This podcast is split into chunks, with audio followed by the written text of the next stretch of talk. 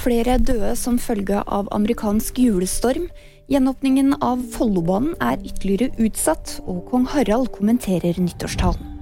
Vinteruværet herjer i USA. Det er registrert minst 28 dødsfall som følge av kulde, bilulykker på glatt føre og andre virkninger av uværet, skriver Sky News.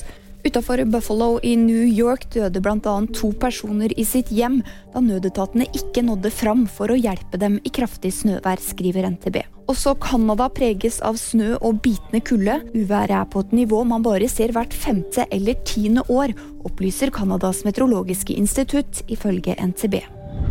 Follobanen vil ikke gjenåpne 27.12. slik som planlagt. Det bekrefter pressevakt Britt Johanne Wang i Bane NOR overfor NTB. Hun vil ikke si noe om når den vil åpne, men ifølge NRK vil den holde stengt til over nyttår. Den splitter nye togstrekningen blei åpna 11.12., men måtte stenge allerede ni dager senere pga. en brann i et koblingshus på Ski stasjon.